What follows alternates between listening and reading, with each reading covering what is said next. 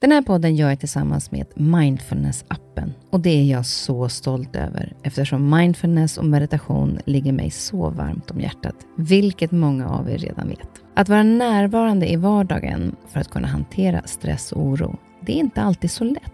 Då kan man ha mindfulness-appen nära till hands för att hjälpa dig när du behöver. För mig kan det vara så till exempel när det gäller sömnen, att vissa dagar då har jag riktigt svårt att komma till ro. Framför allt när det är mycket med jobbet. Då brukar jag använda mindfulness-appen och avsluta dagen med en avslappningsövning för att sänka stressnivån.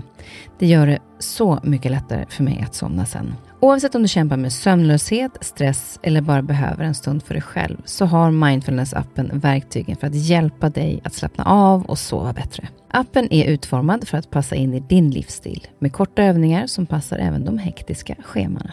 Som lyssnare till Nyfiken på så får ni 40% rabatt på prenumerationen av Mindfulness-appen.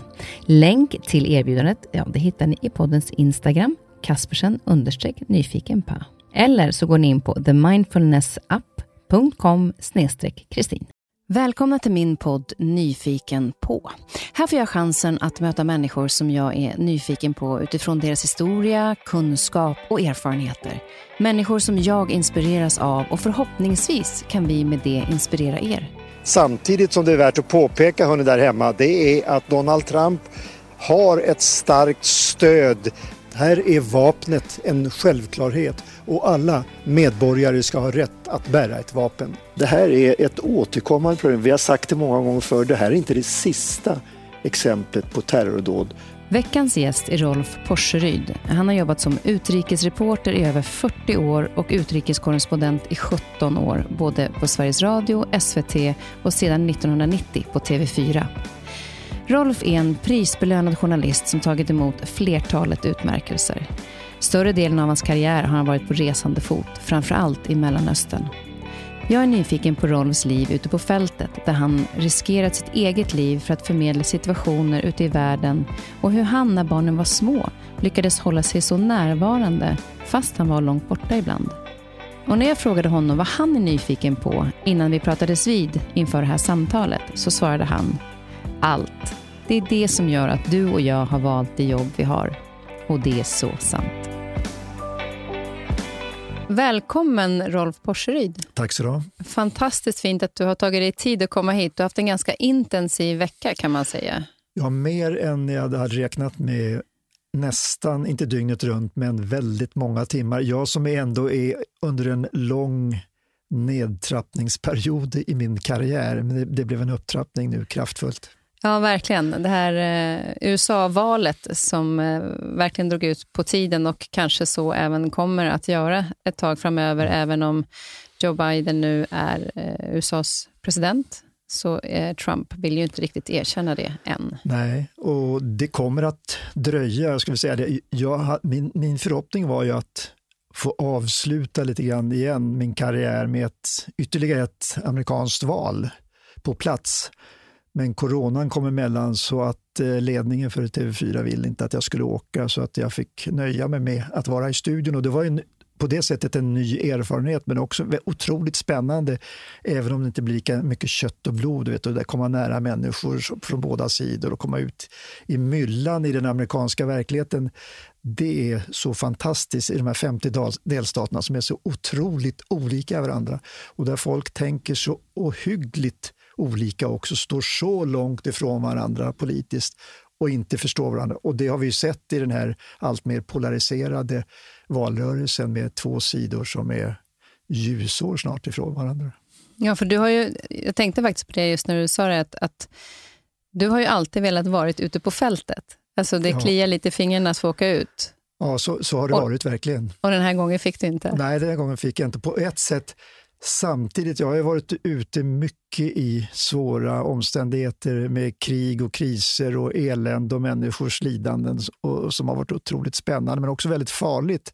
Så man har fått göra riskbedömningar. Men då har jag oftast inte tvekat att jag vill göra det på olika sätt.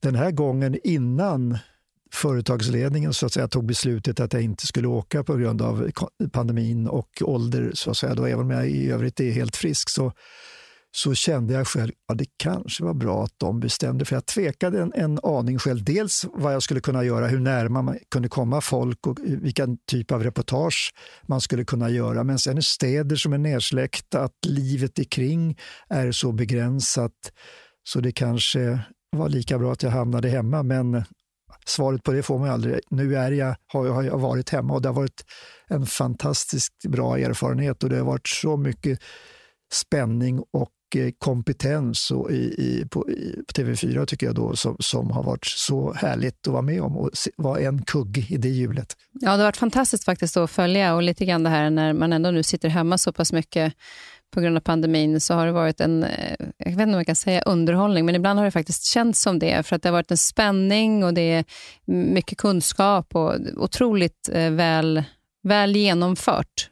Så att man inte vill missa någonting. Nej, det, det, vi har lyckats bra där verkligen med eh, både koreografi och scenografi, medverkande med kom, kompetens och enorm, enormt fin substans tycker jag och tempo, färger, tilltal, allt det här som gör sändningar attraktivt. Och sen kanske också det här lite grann som du var inne på tidigare, att när man, många är av olika skäl hemma av pandemiskäl, att det här är då en ett sätt att följa så många vänner, bekanta och halvbekanta som säger jag har suttit klistrad och lyssnat och tittat på, på det här hela veckan och kan, liksom, kan inte bärgas och vänta på ett resultat. Och, och det, det kanske säger någonting, men att just pandemin har bidragit till det. Mm.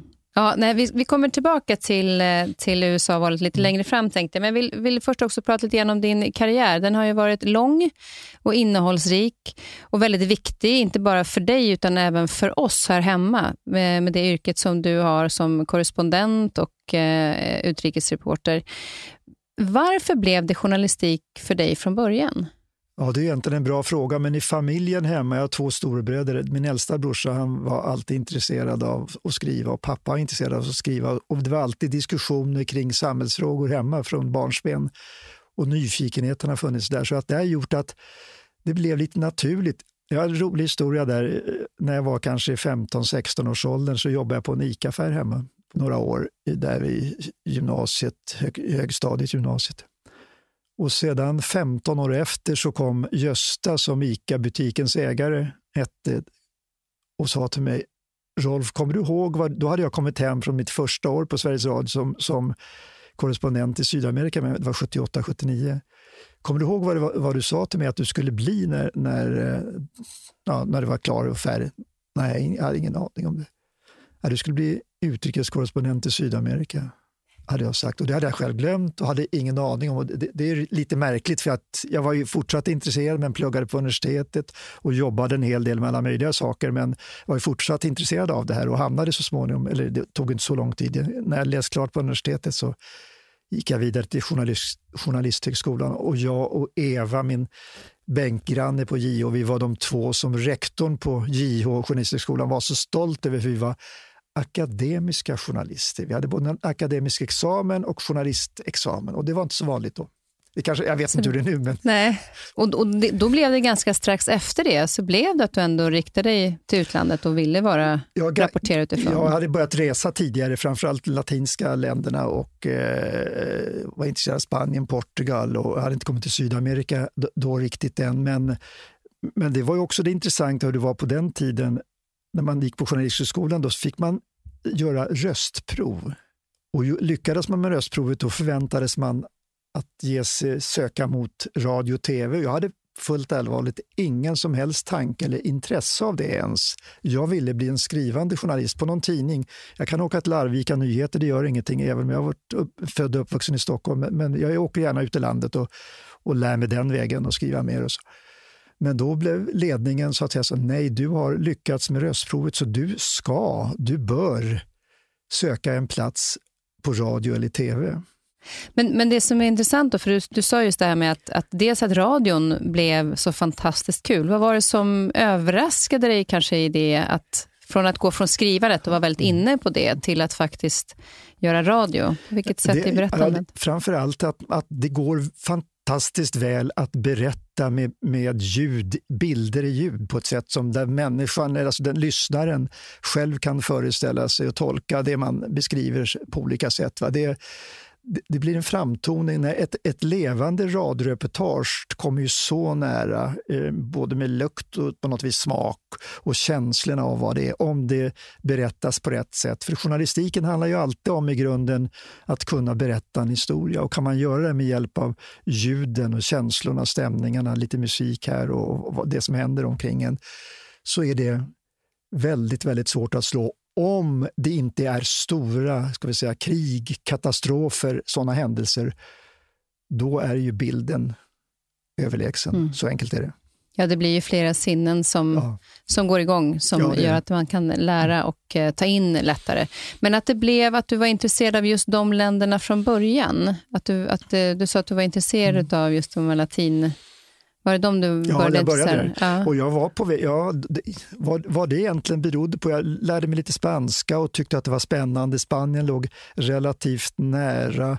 Vi hade fortfarande diktatorer kvar både i Spanien och Portugal Portugal, det var kittlande liksom för att möta den verkligheten. Var där, reste där lite grann och blev ganska illa behandlad av Franco-regimens poliser några gånger och kände att... Vad hände då?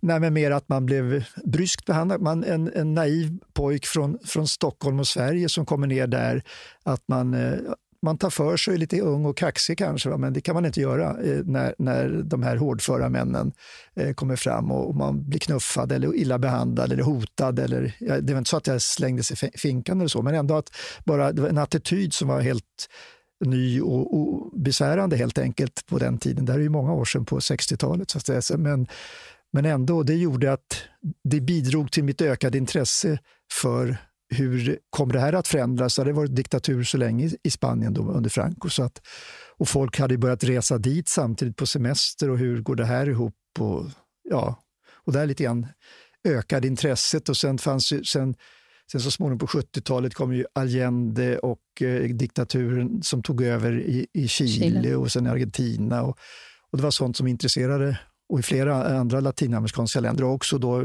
hur USA agerade i förhållande till de här länderna där de var ofta amerikansk utrikespolitik framförallt då, delvis alltjämt, är ju alltså det som Europa och Sverige ser som så att säga, en liberal utveckling i ett land, det, det är närmast ett kommunistiskt hot, ungefär som vi hör idag ifrån Donald Trumps väljare och Donald Trumps sida, att man påstår att Joe Biden är socialist, vilket jag menar så det är helt absurt. Så att säga. Han är ju långt, ifrån, långt ifrån det faktiskt, även om han är en demokrat så att han, har, att han vill ha ökad välfärd och så.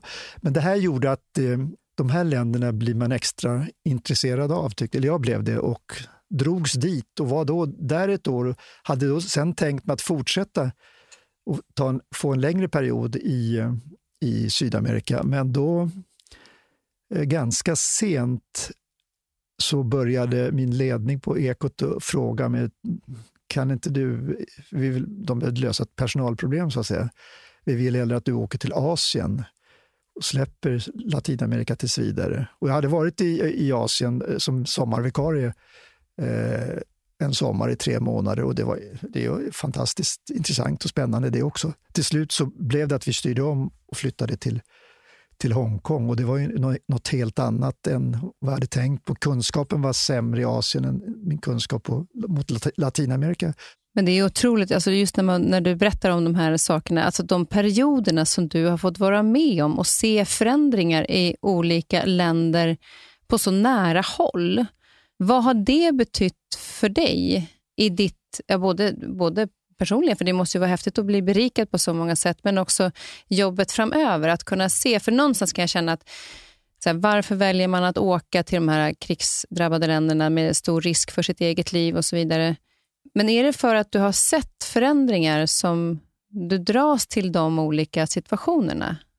Ja, I grunden är det igen nyfikenheten. Vad, vad händer där borta? Och någon måste beskriva vad som sker i, i de här förändringsskedena också där det är ganska elakt och, och besvärligt och hotfullt och, och, och, så, men det är återkommande faktiskt som man gör när det har varit som värst och, och folk undrar, sluta nu, eller, alltså, du har, nu har du fler liv än en katt och klarat dig undan eh, med livet i behåll, så att säga. Men, men, det är ju att i allt det här eländet, om vi talar om den typen av bevakning med, med i härdarna, i krigen, i, i fattiga länder, så någonstans där bakom hörnet så möter man anständigheten, den fina lilla familjen med eh, några barn och några vuxna som putsar och håller snyggt och tvättar sina kläder och gör allt för att upprätthålla värdighet och gå vidare och tron på framtiden. Hur, man alltså undrar, hur, hur gör de, och de gör det, man tror nästan inte att det är möjligt. Och det, då, då får man en känsla. Och de upplevelserna och de mötena gör mig otroligt berikad och känner att wow, här finns det faktiskt hopp ändå, trots att det ser så mörkt ut i de här olika verkligheterna och där med så mycket förtryck och så mycket elände och fattigdom och, och där människor behandlas så otroligt ovärdigt som inte vi förstår riktigt hur det går till och har gått till i, i många av de här länderna eh, för en väldigt stor del av män, människorna som bor där. Men, men hur klarar man, alltså, måste man vara speciellt rustad på ett, mm, som person för att hantera såna här typer av jobb? För att du får ju se väldigt, väldigt mycket och uppleva väldigt mycket som också är tufft, även om du ser den här lilla familjen runt hörnet som ger hopp man kan ju inte vara rädd när man åker ut och jobbar så här. Jo, är man inte rädd, eh, om vi börjar i den änden, så i de direkta krigshärdarna man eh, åker in i, då är man ganska skärrad eller och, känner sig obehagligt till mod skulle jag vilja säga när man åker in. Men sen när man är inne och jobbar, då har man, då man hållit fullt fokus på jobbet och på något vis hänger man av sig det. Och sen när man kommer ut igen så andas man ut på ett sätt som puh, sådär, det gick bra den här gången också. Men jag tror att man ska vara man måste bli rädd ibland, det blir man. Det, och ibland undrar man över varför man ger sig in i det när, man är, när det är som mest hotfullt kanske. Men sen kanske man lär sig eh, en del att bortse från fotografen när man är ute med tv. Han eller hon tittar genom en lins så att det blir någon slags raster i. Jag tittar inte alls på sånt som då fångas på bild och går åt sidan eller går och tittar upp mot himlen eller vad du vill, va? eller gör någonting annat. Eh, det, det, jag har liksom inget intresse av att se det värsta, men däremot när man möter människor som vill berätta om hur det har varit, vad som har hänt, vad som har hänt med dem, vad som har hänt med familjen, då är det ju rätt svårt ibland att man blir eh, otroligt tagen och, och, och rörd av det hela. Va? Så att, eh, men så får man försöka hålla tillbaka. Ibland går man in direkt och hjälper också. Man måste se till att människor måste komma i skydd eller se till att han eller hon är på fel plats eller någonting sånt va? och hjälpa till. Men sen försöker man efter det ändå beskriva och berätta. Man vill ju skicka hem, så här ser det ut i den här delen av världen, i den här konflikten, i det här området. Bakom eh, de här eh, stora orden som kanske finns från politiker eller från olika grupperingar. så att säga. Men det här är verkligheten för människor som ju människor känner igen sig i. Och det kanske har varit mitt försök att spegla de stora skeendena i politiska eller andra genom mikrot, genom familjerna, genom människor som finns på marken. Och, och, då tror jag att det är lättare för, för folk som tittar och lyssnar att förstå vad som pågår där på ett annat sätt, även om det kanske är svårt att komma så nära den verklighet jämfört med våra. För att ibland är det extremt. Någon gång vet jag under Bosnienkriget som jag bevakade, eller Jugoslavienkriget som jag bevakade väldigt mycket, som var riktigt eh, obehagligt och hotfullt och vi var illa ute flera gånger. Eh, men vid något tillfälle när vi kom ut ifrån hårt krig i Sarajevo-trakten, tog oss igenom med bepansrad bil och, och, och det sköts omkring. Alltså, ja, det, det, krigssituationer helt enkelt. Åkte snabbt ner till kusten och sedan morgonen efter så det, var, det här var en, eh, just det här tillfället som jag minns speciellt var en juni eh, lördag morgon och landade på Arlanda och åkte in till stan, där, mitt inne i Stockholm, där, där, där jag bor. Så var det totalt olika världar. Då var det tyst, stilla, fredligt, varmt, sol, solen sken, 20 grader varmt. Två timmars resa bort pågick detta helvete för människor som det var där. Va? Och det, var, det blir väldigt märkligt i, i huvudet hur man ska hantera det där. Alltså. Och det tror jag aldrig, eh, eller det är svårt för människor att förstå. Och det gör också det, man, med all respekt, att man ibland undrar är det, vad, för, vad för typ av problem har vi egentligen i den här delen av världen, där vi ju tycker jag, har det ganska bra. Det är inte så många länder som har det så relativt sett bra som vi har det på bred front, där, där relativt många är med, inte alla, men jämfört med så stor del av världen.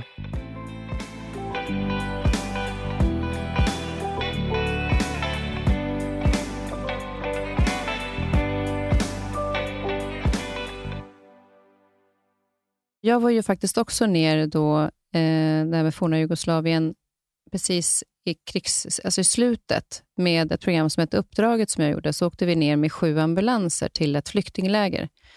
Och Då fick vi åka runt och så åkte vi genom en liten by och så skulle vi filma lite och det var ju kul och hål överallt och kläder hängde i träden. Och Sen så började de skrika några lite längre bort, så han, chauffören säger bara lägg er ner på golvet. Och när jag lägger mig ner på golvet tänker jag, vad är det jag håller på med? Mm. Vad är det jag utsätter mig för? Och Sen kom man till det här flyktingläget när man såg det här föräldralösa barnet som hade förlorat båda sina föräldrar. Och, och, när jag kom hem sen, nu var ju inte jag van vid den här typen av, av upplevelser. Jag har alltid burit med mig det eh, mm. sen dess. Men jag hade ju så fruktansvärt ont i huvudet i några dagar när jag kom hem. Och eh, fick då TV4 erbjuda då hjälp att jag kunde få bara prata av mig av vad jag hade sett. Behöver, har du behövt så här, bearbeta tankar ibland när du har varit på vissa drabbade områden där det har varit mycket och när du kommer hem och så är det en helt annan värld där hemma? Mm. När man, på den tiden när jag jobbade på radion och var ute i världen, då var man ofta ensam, helt ensam och då kändes det som att man behöver direkt på samma dag, kvällen när man är klar, man ska kanske äta innan man går och lägger sig eller ta en promenad. Man gör, jag skulle vilja mera fördjupa eller samtala med någon som har liknande erfarenhet, har varit med helt enkelt. Så det kunde vara besvärligare. På, på TV, med tv, när man, vi har ju alltid rest minst två, eller oftast, det är ju oftast två. Och då, om det i synnerhet om en, en egen generation, många av, flera av dem som jag rest med mycket i, i här där har ju varit eh, Jag är bra personer och mogna och stabila personer. Så där blir, där, där, det blir någon slags viktig bearbetning i, i, eh, efter när man varit illa ute så att säga och blivit, eh, hamnat i skottgluggen eller man varit nära och det händer saker hela tiden. Så att eh, då, då och, och, och, sedan i samband med den, den mest tragiska av alla händelserna efter Afghanistan när, när min kära eh, kollega och vän eh, Ulf Strömberg eh, dödades i det 19 år sedan. 2001 va? Ja, just det. Mm i november. Det är snart 19 år sedan. Och vi börjar med uppgifterna om att TV4s fotograf Ulf Strömberg dödades vid ett rånöverfall i Talokan i norra Afghanistan igår kväll. Sven Irving är nyhetschef på TV4. Den information jag har fått när jag har talat med Rolf på telefon tidigare här under natten eh, så blev först Aftonbladets utsända eh, rånade på sitt rum utsatta för eh, våldsamma hot men eh, ingen som eh, öppnade eld mot dem. Eh, sen gick de över i det rum som, som TV4 disponerade, eh, bankade på dörren, Ulf öppnade och eh, blev nedskjuten direkt han öppnade dörren.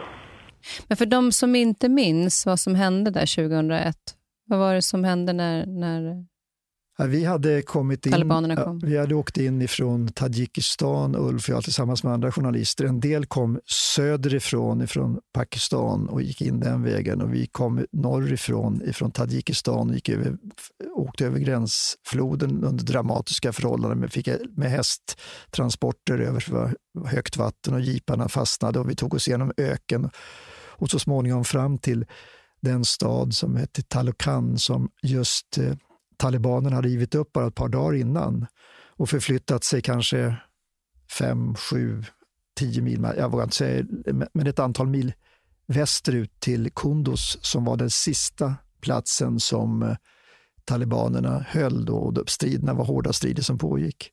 Och i Talokan så hade eh, man gett amnesti till alla talibaner. Vad som krävdes att man lämnade in sina vapen och sa ja, jag har bytt sida så att säga. Och, och Eh, och vi var där, det var, det var ett relativt stort, en halvstor grupp eh, journalister, internationella journalister som fanns där. Och vi, då, då åkte vi därifrån mot fronten och rapporterade om det här. Och vi tog in, vi bodde på ett, på ett litet gästhus där som eh, var rekommenderat av en av eh, EBU, det Europeiska radio och tv-unionens medarbetare som sa att det här är bra, där funkar det. var relativt höga murar runt omkring och det fanns några rum där. Och Aftonbladets medarbetare, eh, Bosse Lidén och eh, Martin Adler bodde i rummet intill oss. Att, och vi var där så var det ytterligare någon som bodde i ett tredje rum.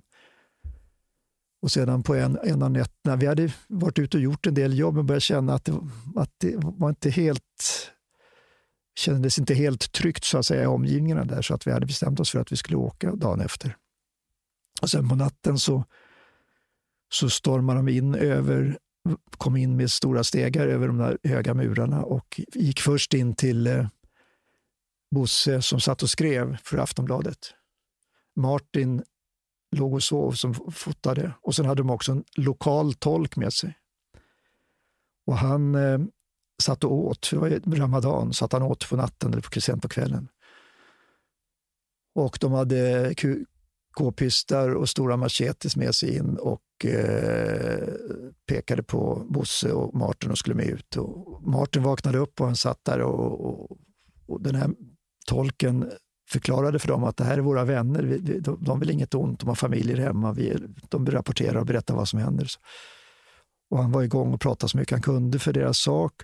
Sen pekade han på Martin, du ska med ut nu, vi ska, eh, ja, vi kommer göra slut på dig. Och Martin fick, de, han berättade för det, så Martin berättade för oss efter sen att han sa att han gjorde sig, gjorde sig beredd för en, sin sista strid, så att säga, va? även om han inte hade några vapen. Men, han, men där, tolken fortsatte och sedan så gick de vidare till nästa dörr, där vi, vår dörr, där knackade de på. Det fick vi höra efteråt ganska mycket innan vi vaknade, eller Ulf vaknade först.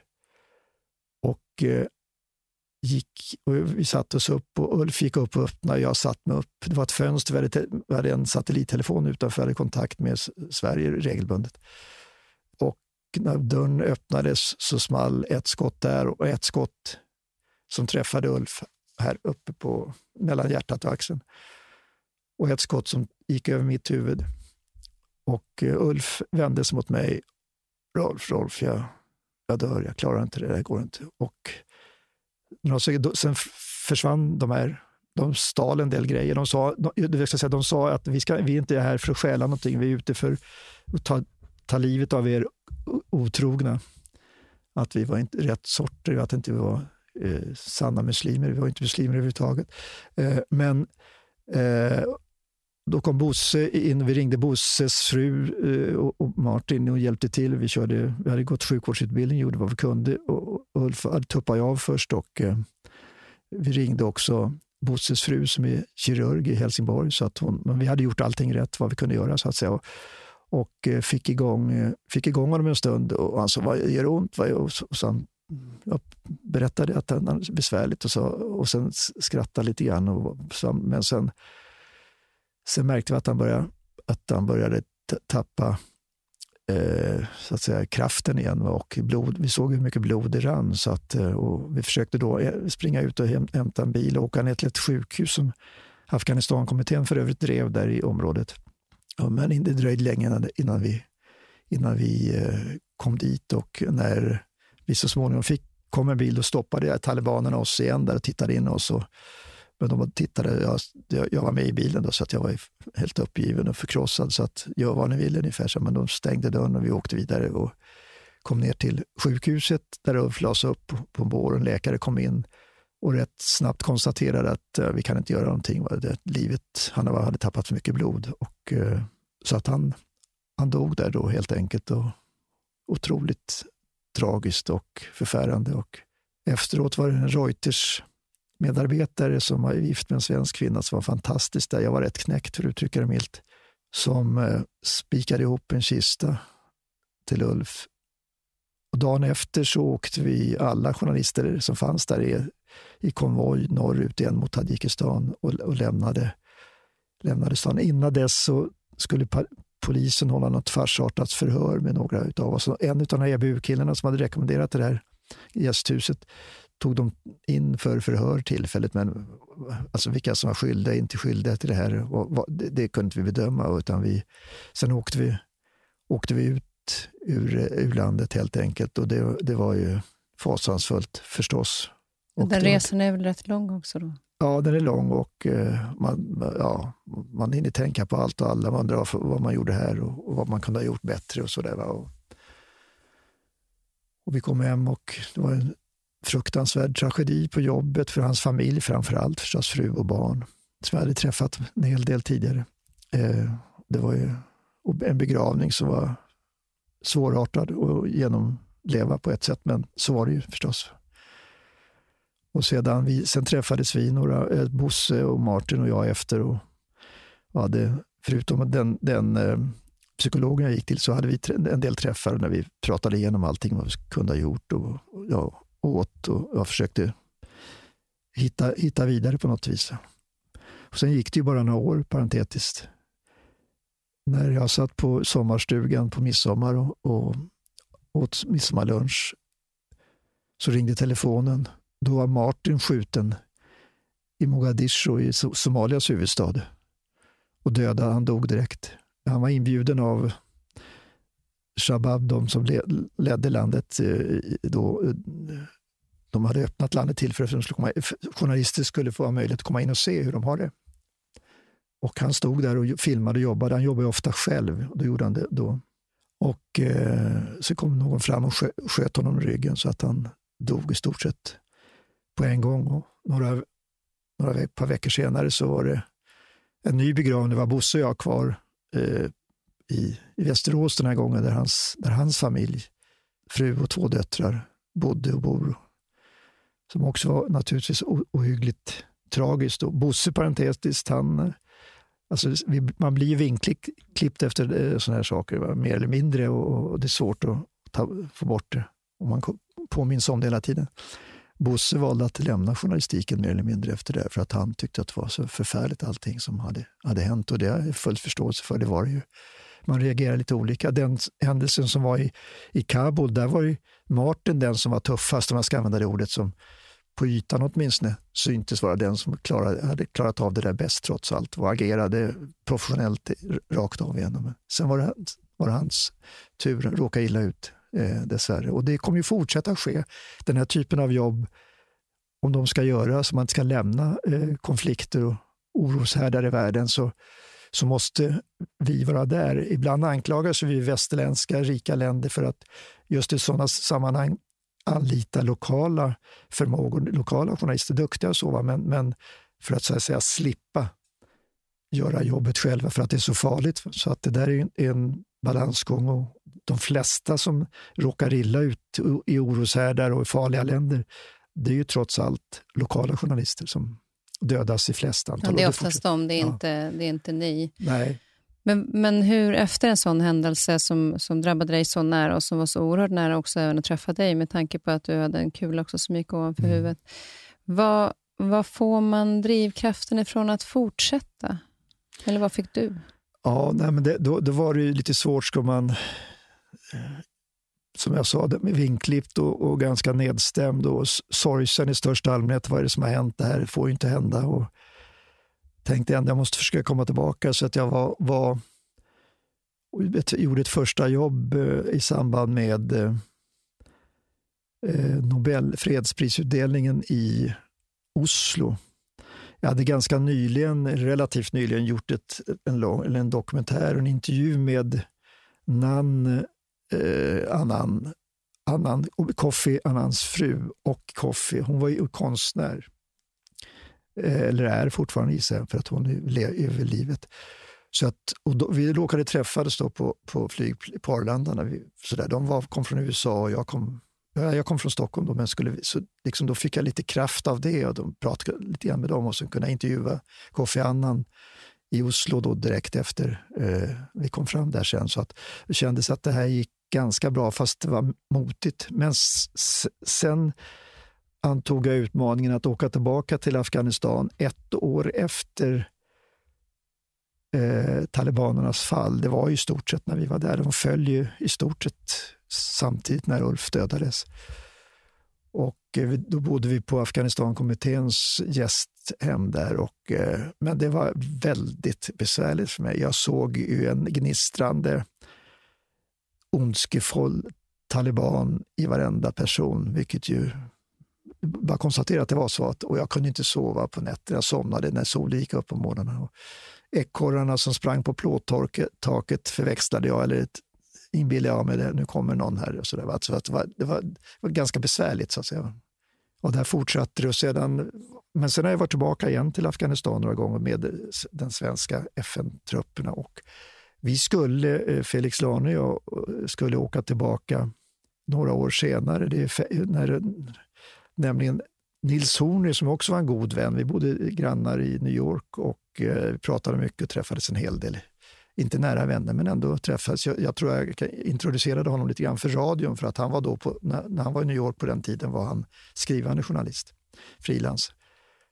Och satte honom i kontakt med Ekoredaktionen och nyhetsredaktionen att, att han ja, absolut klart ska börja vicka eller göra någonting där. Och, och sen vet vi att han kom dit, kom in och lyckades bra och blev Asienkorrespondent så småningom. Och, och, då inför det valet som skulle vara i Afghanistan så skulle vi åka via Mazar-i Sharif där den svenska bataljonen var och sen ner till Kabul där vi visste att eh, Nils fanns och eh, vi jobbar inte sida vid sida med på ett sätt konkurrenter men ändå gamla goda vänner och så. Va? Men då var, det var dagen, vi skulle åka dagen eller två dagar efter Vasaloppet och det, det årets Vasalopp så smällde jag av full-blown hamstring. Så jag hamnade på sjukhuset och operation så småningom och på kryckor så att jag fick ställa in den där resan. Och eh, det var samma resa då några dagar senare som Nils blev mördad i Kabul. Så att säga. Så att, eh, det händer mycket i obehagligheter och, och någon slags tur eller vad det är som gör att man inte är där. Mm. Det är en, en eh, enorm resa som du har varit ute på i världen som nästan lite o, alltså det är svårt nästan att greppa den. Att, att, eh, men har du någonting som du har kvar, till inte men från det, men just du sa att du har svårt att sova på nätterna, eller finns det någonting sånt där som du ibland fortfarande hajar till på saker som när man har levt så ute på fältet? Ja, nummer ett efter, efter Ulf, där, då, då hade jag jättesvårt att sova på nätterna. Lite mardrömmar och vaknade och var, var, jag sov dåligt. Annars sov jag väldigt bra. Och det levt för just när det har varit stressigt och då, jag kan ju nästan stå och sova när, när det är sova och bara ta en nap då och då så kom, kan jag jobba ett par timmar till. Så att det har varit lätt. Men, men då var det, då var det, då var det väldigt, väldigt svårt eh, efter, efter den händelsen. Och, och kom tillbaka. De hade lite mardrömmar och sådär kring, kring hela händelserna i, i olika riktningar som var, var rätt, rätt speciella får man säga. Men, men eh, sen med tiden har det väl ändå har blivit betydligt bättre kan man säga. Och så att, eh, sen det andra som det gäller, ja, det gäller väl delvis den händelsen, men det gäller med allmänt händelser som det har varit mycket andra incidenter, och halvkidnappningar och kidnappningar vapen i mun och, och, du vet hotfullt som bara den. Och, men det, det är när man, man rör sig på, på stan här i Stockholm. Jag, jag sedan många år tillbaka, om jag går när det är mörkt ute, så går jag efter en stund, man, även om man har varit ute och haft kul, så, där, så att jag går åt sidan, inte vänder mig om och tittar bakåt. Och tittar, jag ser mig runt hela tiden, att det inte händer någonting. Det, det kan väl tyckas knäppt, tycker en del, men jag gör det. Men det, det sitter i sen tiden? Ja, när ja, du... ja, och när man varit ute på att det är bra att veta var man är och att det inte kan hända saker snabbt. Mm. Så att mm. Och det, det, det, det är väl tråkigt att man ska börja tänka så på ett sätt, att det kan finnas hotfulla situationer men de finns väl här. Risken är säkerligen väldigt liten, men det är ändå ett beteende jag har. har som, som du bär med dig från den tiden. Ja, eh, jag tänker också på din eh, då, familj, för att om man då tänker på all, all tid som du har varit borta mm. och så har du fyra barn. Jag har ju själv haft en mamma som har rest väldigt mycket, då inte i sådana oroliga eh, länder, utan hon har ju mest varit, var ju mest ute och turnerade, men hon var väldigt bra på att ändå vara närvarande fast hon inte var hemma. Eh, och när man har barn hemma och är mycket på resande fot, hade du någonting så speciellt som du gjorde för att ändå hålla liksom, den kontakten med barnen så att de kände att du var där? Ja, ett, ett så köpte ju alltid med sig saker när man kom hem som blev någon förlängning av det, så när man reste ändå fanns någonting kvar på, på det. Men sen, det andra, det, vet, det här är ju länge sedan nu, men det var att jag läste in band sagor på band som fanns där. Va? Och det, det är ju ganska sött. och det, det, jag vet min äldsta dotter pratar om det där, att, att att, att det betydde mycket då när man, när man kunde få lyssna på det på, på kvällen någon gång då och då. Även om inte det var varje dag, det vet jag inte hur mycket det var. Men, men det är klart att problemet är ju att man är borta mycket så missar man någonting.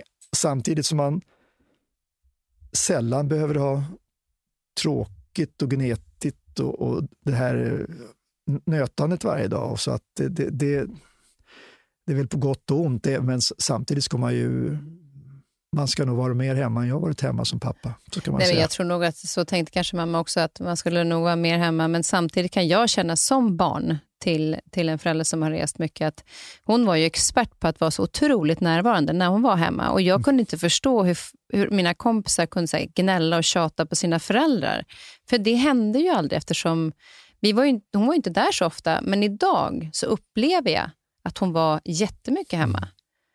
Fast, fast det är ju inte så, utan hon var ju bara närvarande på ett Ja, sånt sätt ja. som gjorde att det känns idag som att hon var fysiskt närvarande. Hon var ju närvarande hela tiden, men fysiskt närvarande också. Och Det är ganska fint ändå att för de föräldrar som inte har möjlighet, menar det är inte alla föräldrar som har möjlighet att vara med sina barn varje dag. Nej, nej, men jag hade ju till exempel under, om vi tar Hongkong-åren, då hade jag yngsta dottern då, började i förskoleverk, alltså i skolan, men började väl vid tre, fyra års åldern, ganska lite. Okej, jag reste mycket, väldigt mycket, men då, valet var att vi hade inte kontor ute på stan med andra journalister, vilket delvis är en nackdel, måste man tillstå. Men den stora fördelen är att man är då när man kommer från en resa, då är man hemma. Då är man hemma hela tiden tills man åker och då under något år där, när hon kom hem från, eh, Tove kom hem från, eh, från skolan med skolbussen klockan 12, då åt vi lunch. Några dagar då, eh, inte vet jag, ett par dagar då och då, och som man ju nästan aldrig gör här i Sverige när man är hemma. Så att dels det tillför, sen hade vi möjlighet när man är ledig att resa och ägna sig åt varandra. Så att säga. Så att man, det blev en viss kompensation ändå för fördelar. Det här är komplicerade frågor. Jag tror att olika barn uppfattar det på olika sätt. Ja, så är det nog säkert tycker också. Alltså, Hur- säkert i den e- egna syskonskaran så Ja, kan de ha upplevt det på helt ja, olika ja. sätt. Det enda vi kan känna är väl att vi ändå försökt göra vårt bästa för att vara jo, där det- på det sättet vi kan. Ja, och sen har man väl då kompenserat med att eh, men vi åker dit. Mina barn, vi har ju rest, liksom rest runt hela världen på ganska fina, attraktiva ställen för de flesta. Så att säga. Men de, Pappa, kan inte vi åka till Kanarieöarna eller Kreta någon gång? Göra som ja, de just det, andra. ja, just det. Så då gjorde vi det faktiskt en, en gång till. Kreta, men det var ju trevligt också. Så att,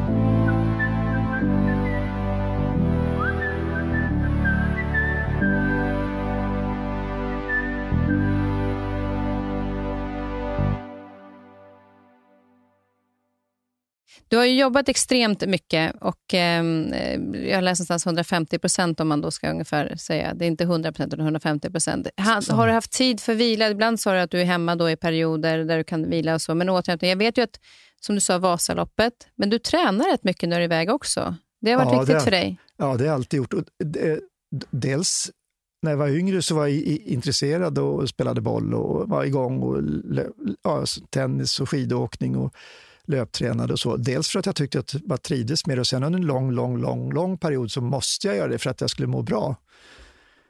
Och sen känns det som att mer och mer med forskningsresultaten som kommer fram, ja, det är så enkelt att det är hemligheten mot att jag har klarat mig så bra, man ska, att jag mår så bra, att jag stått emot eh, press och stress och vad det är för någonting och klarat av att sova lite och kan sova lätt och ha bra, tror jag. Och det är, nu blir det lite mindre förstås, men jag kommer just nu från en tennisomgång på morgonkulan och man ger inte upp en enda boll. Det är så fortfarande va? Ja, vad härligt. Men det, det är just det att, att, att kunna ha det med sig också. För det är många som reser som inte säger att det är så svårt att träna när man är ute och reser. Fast, det, nu- tar jag med ett par gympadojor, det är väl bara att springa. Ja, exakt, det är ju hissen till gymmet eller i bäst, ännu bättre fall simbassängen om det är varmt och skönt. Eller inomhus kan man göra det också. Ja, Så och säkra ställen så kan man ta en promenad eller springa om man kan det. Så det egentligen är väl, handlar väl om Ja, det hade, äh, där det så det också under och, och, Himmelska fridens torg 89, det var mitt sista år i Hongkong. Då, då var under en period när jag löptränade mycket. Så att då när jag kom till Peking var det så fantastiskt. Det var ofta ute sprang någon mil eller ibland två i, i Peking från hotellet. Och inte minst, dels för att få motionera men också uppleva och se allting. Men då började det hetta till också så att säga. Då, att man blev rekommenderad att kanske hålla sig inne. Det var faktiskt första gången som jag på allvar gick in i ett gym och började löpträna på löpband. Det var 89. Så att, och sen har jag blivit kvar, men det är mycket trevligare att löpträna. Ja, man upptäcker väldigt mycket när ja, man är ute ja, utomlands. Ja. Nu får vi vänta med det ett tag med tanke på den här situationen som är. Eh, sen var det, du har varit i USA i många, många år mm, och nu mm. tänker jag att vi ska komma tillbaka till det här speciella USA-valet. Du känner ju USA eftersom du har varit där, eh, bott där i, i flera åtta år, år. Eh, åtta år mm. och rest runt en hel del. Mm. Jag tänker på den här, liksom, ett, den här retoriken som har varit under den här, de här debatterna. Eh, eller framförallt jag ska säga, retoriken som Donald Trump har använt. Hur ser du på den?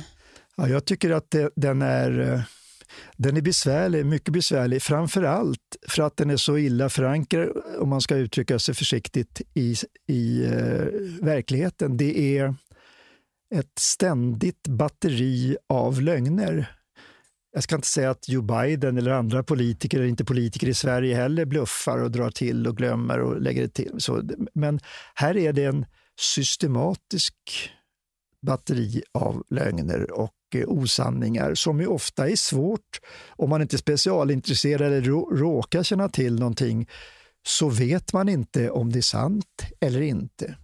Eh, kom du ihåg vad han sa om tre miljoner, jag de tre miljonerna röster som, som, som Hillary Clinton fick mer totalt sett 2016, det var falskt. Det skulle göras en stor utredning, man tillsatte en utredning, men sen dog ju den för att det var sant att hon gjorde det.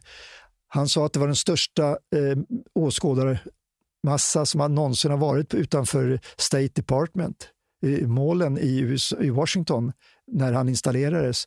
Men det var betydligt, betydligt mindre. Det var enkelt att visa med, med över, bild, bilder över hela landskapet där.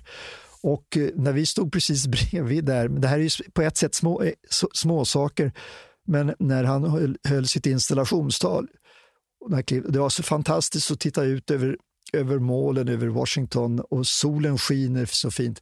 Det regnade. Jag stod precis bredvid direkt.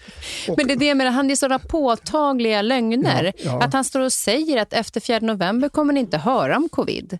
Nej. Nej, men vänta nu. Jag vet bättre än, än, än uh, vetenskapsmännen. Exakt. Det här är slut till påsken, det här är slut då. Det här, vi har rundat coviden, sa jag nu alldeles i slutskedet av.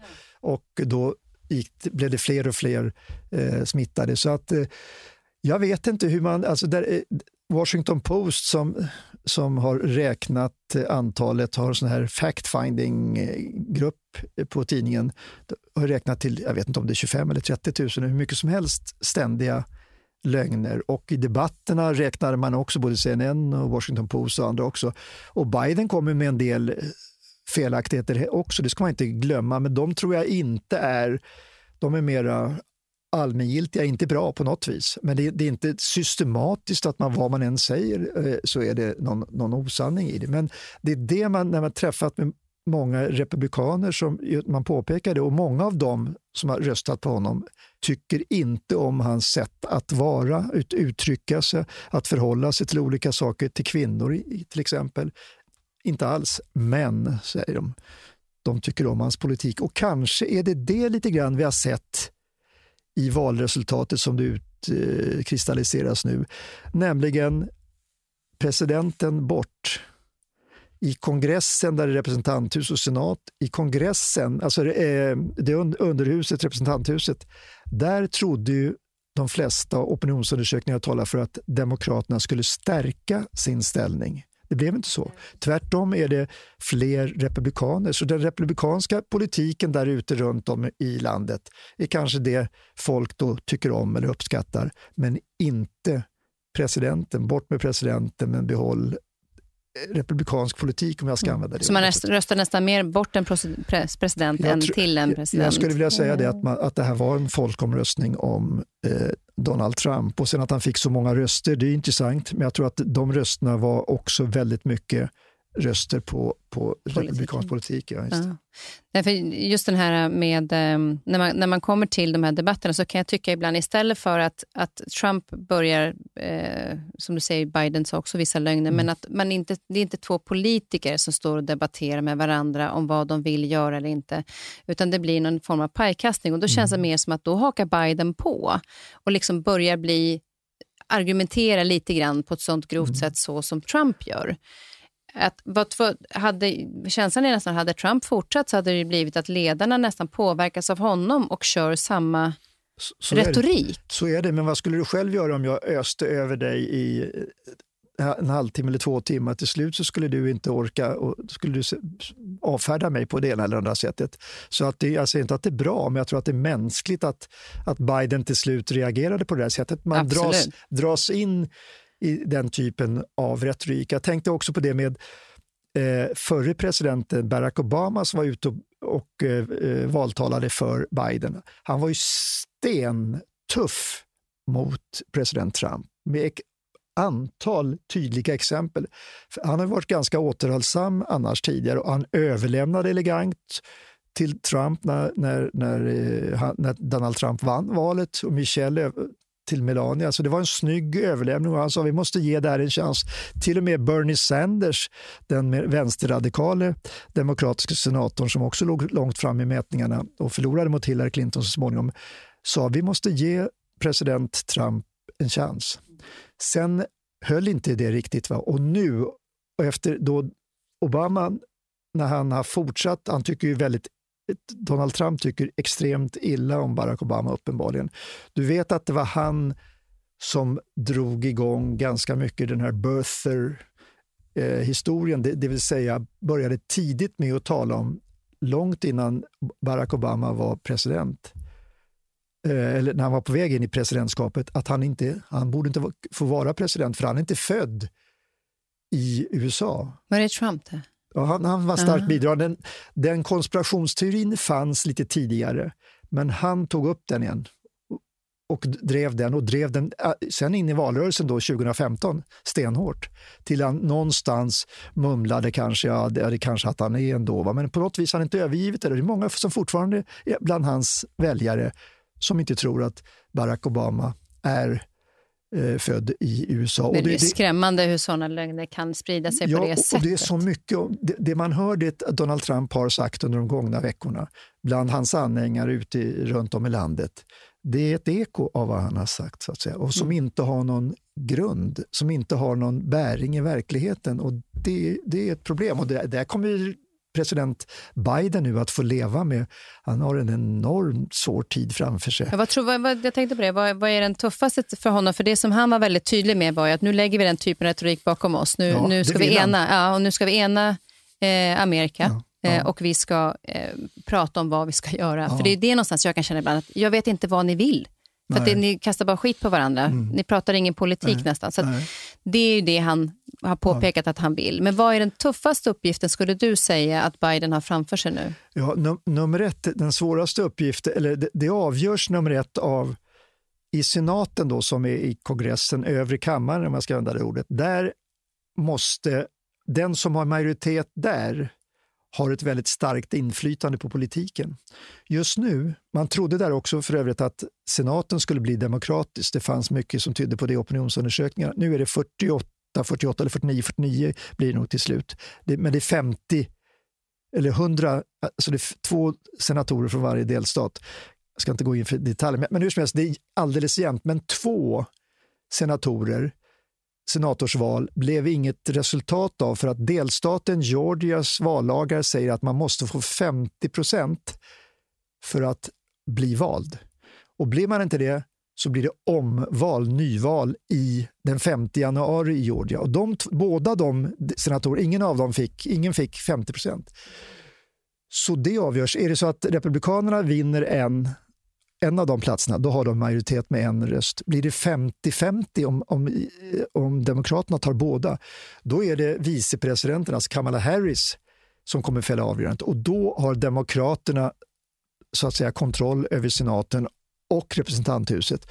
Och då har president Biden betydligt större möjlighet att agera politiskt. Annars är risken utomordentligt stor att det blir väldiga låsningar för att senaten säger nej, även om representanthuset säger ja, senaten säger sen nej och förslag från presidenten kommer inte att gå igenom. Det är risk, stor risk för att han blir så att säga bakbunden och då kan han använda det som kallas exekutiva orders, alltså han kan, vissa frågor kan man driva och det i, normalt sett de senaste åren har det varit 200-300 sådana under en president, period. Så att säga, men, men, det blir en helt annan... Det blir väldigt mycket ja, tung... Men, alltså... men, men, ambitionen är naturligtvis att ena, om det nu går att ena. Det är, det är oerhört svårt hur det ska gå till för, för det har varit sådana avgrundsstora skillnader under ja. ganska lång tid. Och spänningen lär ju fortsätta. Jag tänkte faktiskt, jag har en, en eh, lyssnarfråga. För en, en, eh, en sak är ju att eh, Donald Trump, han eh, kommer ju inte ge sig än. Absolut riktigt inte. på det. Han, eh, vad jag tror han åker ut idag när vi sitter och pratar här. Ja, nu, det är måndag idag och ja. då kommer han att åka ut och eh, och det handlar om eh, lagliga och olagliga röster. Och, och medan jag letar fram den lilla lyssnarfrågan ja. så kan ju du försöka förklara vad är lagliga och olagliga röster enligt honom? Tidigt under valrörelsen, i och med att pandemin eh, bröt ut, så bestämde många delstater att vi måste kunna poströsta i större utsträckning för folk inte ska bli sjuka och stå långa timmar i kön. Och I många delstater så tog man det på stort allvar och det, det har ju varit överväldigande antal eh, poströster. Förtidsröster och poströster, det är över 100-102 miljoner. Och Det har vi inte sett tillstymmelse till tidigare. Och det gör, men då insåg, eller förstod Donald Trump tidigt Förtidsröster tycker han är okej, okay. alltså de som man ställer sig i kö och man får rösta några dagar i förväg, en vecka, två. Det varierar från delstat till delstat. Poströster är båg, fusk, bedrägeri.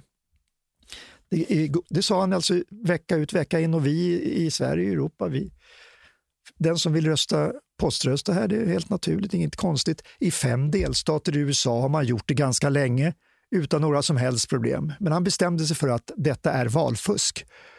Och sen så att säga förlorade han bland annat på, på, på grund av väldigt många poströster. Och så fortsätter han den retoriken nu och åker ut och har folk med sig som står och skriker att det är, det är massa olagliga röster där ute som inte finns, enligt expertis där borta, redovisar det finns inga case. Inte ens republikanska eh, skickliga framträdande jurister säger att det finns ingenting som tyder på att han har någonting som är olagligt. Alltså, och man undrar vad det är som ska göra att han till slut ja, faktiskt... Ja, det är en bra fråga, verkligen. Vad, man pratar om familjen, men det, det, verkar inte... Ja, man har talat om Melania, man har talat om att eh, möjligen Jared Kushner, ja, svärsonen, ska, ska gå in och, och, han har tydligen, de har försökt så att säga, men, men eh, ja, det, det, det De får där. jobba på det ganska uppenbart. hårt tror jag. Ja, ja. Eh, den frågan som, som kom in det är från Frasse och det handlade om just det här med Trump och att det är eh, de som är hans anhängare, att det finns ju väldigt mycket vapen och att det finns en orolighet för att det ska ske saker och ting ute på gatorna mm. eh, kring det här att Trump då inte vann. Mm. Hur ser du på det? Det är en väldigt allvarlig fråga. Det är svårt att säga hur det kommer att sluta. Vad vi vet det är att eh, eh, Donald Trump i en av debatterna eh, inte tog avstånd från en nynazistisk grupp som kallas Proud Boys. Det är en av många sådana små milisgrupper eller speciella grupper. Han sa då bara Step back, stand by. Ta ett steg tillbaka, men var beredda. Sen vet vi att eh, ett gäng högerextremister eh, stormade parlamentet i Michigan och krävde att eh, det var en pandemifråga, att man skulle få göra som man ville när det gäller pandemin. Man vet också att FBI, alltså den federala polisen i, eh, i USA, slog till mot ett gäng som hade ett attentats och kidnappningsförsök mot Michigans eh, guvernör som stoppades och de sitter inne nu. Men sen vet vi att eh, eh, Donald Trumps mannar där ute kan komma igång. Hur mycket det blir, på vilken nivå, är svårt att säga. Det beror delvis på, tror jag, hur president Trump kommer att agera i det här förhållandet. Om han nästan till uppmanar dem att ta till med hårdhandskarna så är det risk för det. Men vi ska väl hoppas att det inte blir så. Man, en del oroar sig för detta under val, dagarna och där, då var det ju ganska försiktigt eller dessbättre inte någon, några stora uttryck av det. Men vad de närmaste dagarna här kommer att innebära eh, och vad som kommer att ske, det är nästan omöjligt att säga i det avseendet. Ja, det här, spänningen på många olika sätt eh, fortsätter ju ett tag Ja, framöver. verkligen. Men det vi kan säga som är också fantastiskt är ju att då Joe Biden, men den utrikes, eller den vicepresidenten, alltså att han har valt en eh, kvinnlig vicepresident också svart, det Kamala Harris. Absolut. Det är ju fantastiskt. Ja, det, det, det är oerhört spännande och det är den, den första svarta kvinnan då med, med ursprung från Jamaica och eh, Indien. Indien. Eh, högutbildad, skarp, tuff. Eh, som är, en del säger att om man tittar på hur hon har röstat i senaten att hon skulle vara väldigt eh, progressiv. Det- I vissa frågor är hon det, men hon har också varit ganska tuff när det gäller kriminalvården. Hon har varit statsåklagare i, eh, i Kalifornien som hon var tidigare. Så att hon är väl mer, mycket mer jämfört med Bernie Sanders, Elizabeth Warren och andra senatorer i den amerikanska senaten som står så att säga mycket mer till vänster än, än vad hon gör. Men hon representerar de här st- allt större växande eh, minoritetsgrupperna, i, framförallt latinamerikaner och eh, från andra länder helt enkelt, va, som, och, och asiater också, som kommer att förändra demografin, lång, håller på att förändra demografin långsamt. Som ska vi säga 20, 25, 30 år någonstans, så kommer den vita gruppen i, i USA inte längre vara majoritet. Ja, det, är, det är ju en... Eh, det är väldigt intressant när man har läst just det. Det är väldigt härligt att se hur folks reaktioner har varit också på att se henne där. Jag tänker också så här att han är ju inte purung, eh, Joe Biden, och att eh, och hon är ändå vicepresident. Och att kanske nästa steg är till nästa val, vem vet? Men, men man kan inte låta bli att inte tänka tanken att hon kanske också kan bli sen den första amerikanska presidenten. Skulle det kunna vara så? Det, det är en högst rimlig tanke och frågeställning. Så att gör hon där bra ifrån så beroende naturligtvis på hur stämningarna är inom partiet. För att det är ett parti som spretar rätt mycket, Demokratiska partiet. Det kan mycket väl bra, om hon gör ett starkt intryck och får trovärdighet och, och uppfattas som en, en legitim och, och och stark eh, vicepresident så kommer hon säkerligen vara ett, eh, ett huvudnamn i eh, nästa val 2024. Det, det tror jag utan vidare. Ja, spännande och det, det kommer ju att fortsätta. Jag är så fantastiskt glad att du tog dig tid att komma hit och sen får vi se hur den här nedtrappningen att gå in, liksom, att trappa av och jobba, hur det går, fortgår. Ja, den här veckan blir det ingen nedtrappning. Men, Nej. men vi får se sen. Men sen är det då, det är väl 20 januari då som Ja, just det. eh, han kliver in i Vita Ja, huset. Mm. Eh, om vi har fått ut någon annan, Ja, de har fått ut någon annan därifrån. Stort tack Rolf. Tack så eh, tänkte att vi skulle ta lite fika, vi har hunnit dricka upp kaffet men eh, det finns inte fika. Och, eh, lycka till nu vidare och tack snälla för att du kom och berättade dina historier, det du har varit med om. Tack själv, jättekul att vara här.